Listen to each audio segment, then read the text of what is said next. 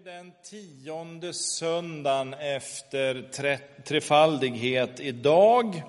Texterna i den eh, evangelieboken handlar om eh, att vittna kring församlingen, församlingens enhet och mångfald. Och har du Bibeln med dig får du gärna slå upp Josuas bok, det sista kapitlet där, Josua 20 4. Det blev den texten när jag satt och funderade kring det här igår. Eh, rubriken är Nådens gåvor. Och tanken kring eh, det textval och det tema som finns handlar om församlingen, församlingens uppgift i världen. Och där finns ett fokus på församlingens gudagivna enhet, det här kroppsperspektivet som vi läste om i inledningen. Men där finns också den här rikedomen som vi hittar i skapelsen. Som jag också sa, vi är så olika och det är ju så Gud har skapat oss. Tänk vad skönt att veta när man blir en del av Guds församling behöver man inte vara som alla andra. Det finns plats för alla människor och det tycker jag är så gott.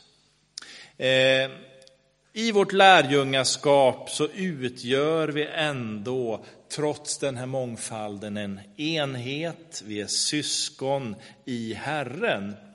Eh, det är rätt lätt att prata om. Sen vet vi ju alla att i praktiken är det kanske inte lika lätt att leva ut det här att alla ska få plats och ha utrymme. Nu ska vi läsa ifrån Josuas bok, eh, det 24 kapitlet som jag sa. Och vi läser vers 16 till och med 18. Då svarade folket, aldrig att vi skulle överge Herren och tjäna andra gudar.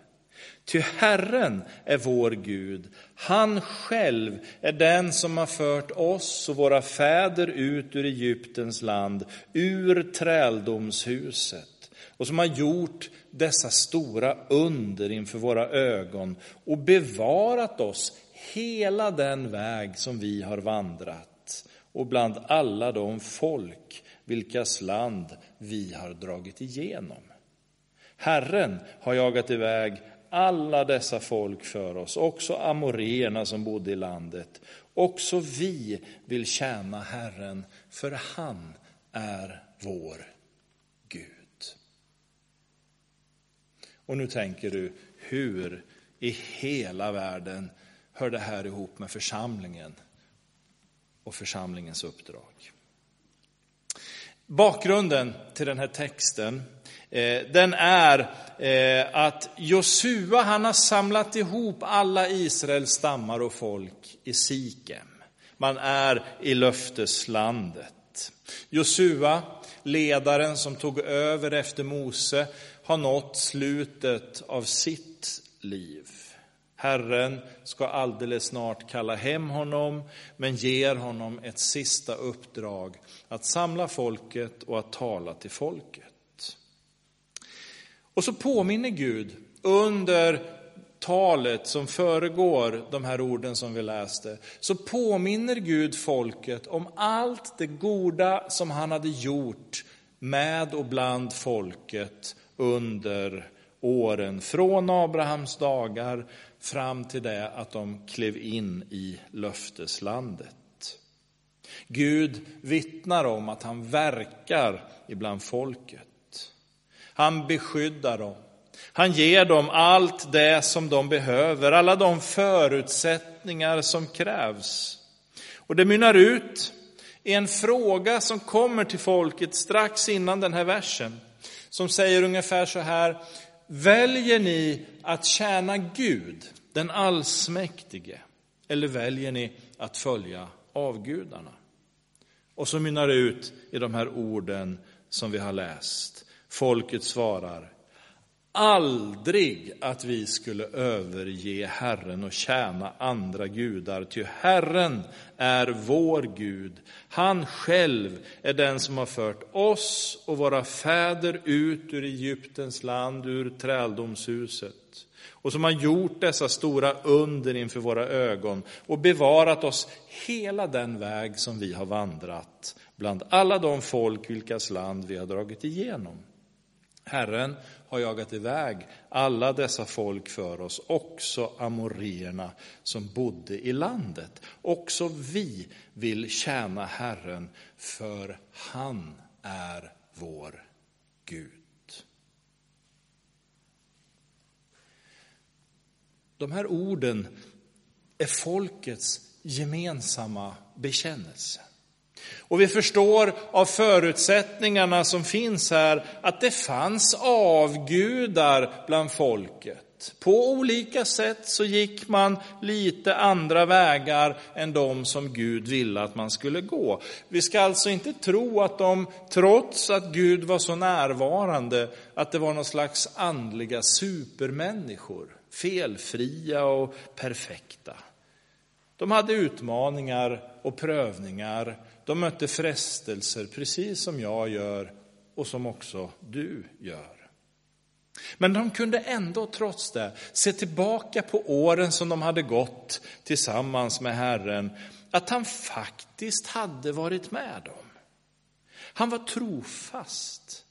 Han var trösterik i allt det som skedde och det mynnar ut i att Israels barn bara kunde bosätta sig där i löfteslandet. Vi förbiser inte att de hade en strid att utkämpa när de skulle inta landet. Men som Herren säger gav han fienden i deras hand. Landet som de inte hade lagt ner något arbete på fick de. Städer som de inte själva hade byggt fick de bosätta sig i. Och olivplanteringar som de själva inte hade planterat fick de äta av. Därför att Gud är generös. Gud är generös och omsorgsfull och det flödar av hans goda emot hans folk. Och så vet du, jag brukar ju citera det här med Guds välsignelse. Att det är en godhet, en Guds godhet i handling. Jag kunde inte förbigå den här texten idag. Jag satt och, och, hade lite andra tankar också, men Gud drog mig hit till den här texten med ett speciellt syfte. Nästa söndag, den första september, så blir det lite som terminsstart. Jag förväntar er att ni kommer uppklädda och fina och lägger äpplet på magisterns kateder och allt det här som ni vet följer med den nya terminen. Vi börjar ett nytt läsår kan man säga. Eh, vi återgår till våra vanliga tider. De här härliga sommargudstjänsterna förbyts till härliga höstgudstjänster. När ni får masa er upp på morgonen och vi möts klockan 11 igen. Som det ser ut nu kommer jag nästa söndag att tala lite om framtiden, lite om vad som händer i världen omkring oss eh, och så vidare. Eh, men redan nu slås tonen an i den här texten och sammanhanget i Josua 24.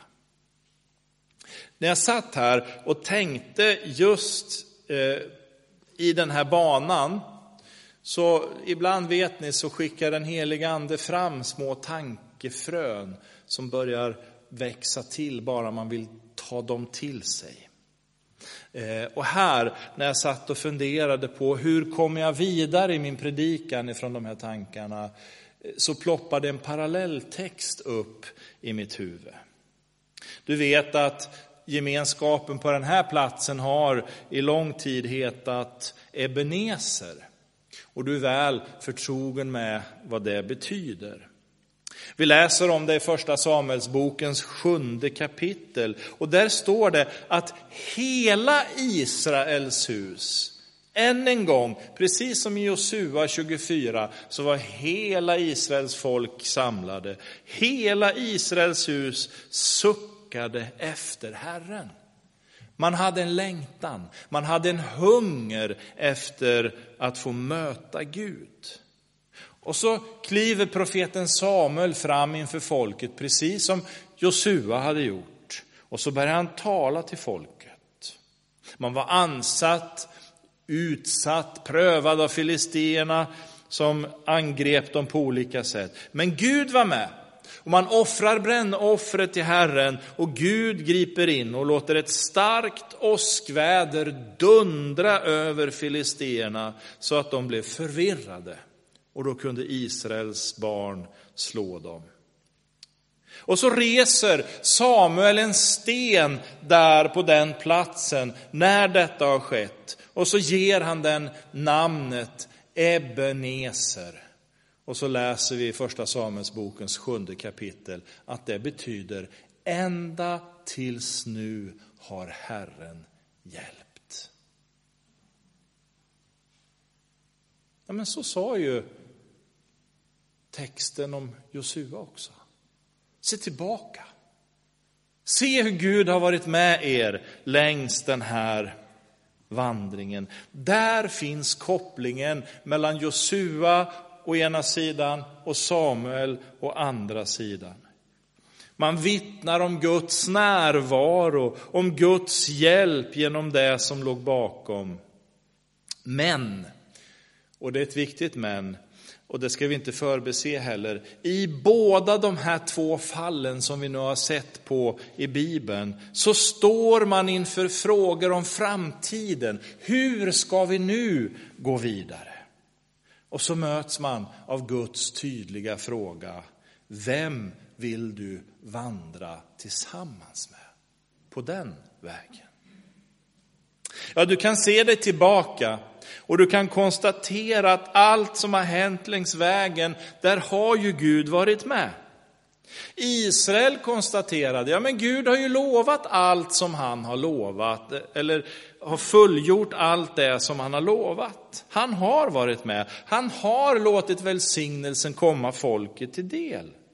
Men nu när Josua, och för den delen Samuel också, står med folket inför Guds ansikte, så får de höra, ni kan inte leva på de gamla välsignelserna. De är absolut ett skäl till att tacka Gud och ära Gud för. Men nu, där ni står tillsammans med Josua och Samuel och skådar framåt med längtan och med hunger, så blir ju frågan, hur vill du nu gå? Hur vill du nu möta framtiden? Vem ska vara vid din sida?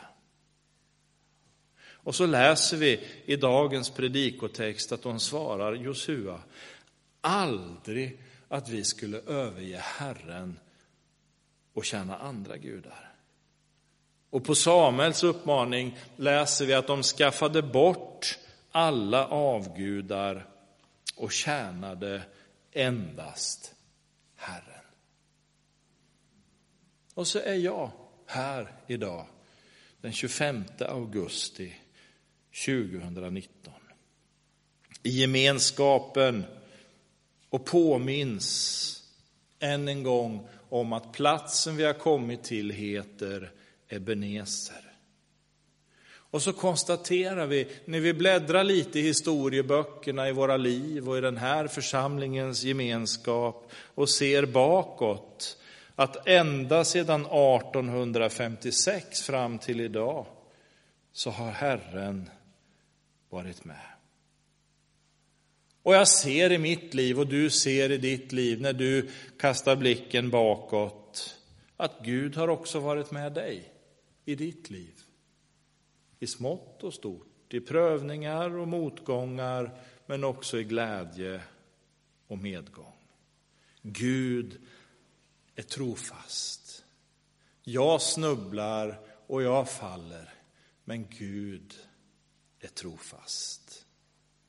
Precis som jag började gudstjänsten med mannen som satt i sorg tillsammans med mig och säger, vad skulle jag göra om jag inte hade Jesus? Allt hade rasat i hans liv. Men han visste, på ett ställe kan jag sätta mina fötter där det bär. Och det är på Jesus. Vi tackar Gud för det som ligger bakom. Vi tackar för närvaron i våra liv och i gemenskapen. Vi ringaktar ingenting, tvärtom. Men vi lär oss av Bibelns texter och budskap.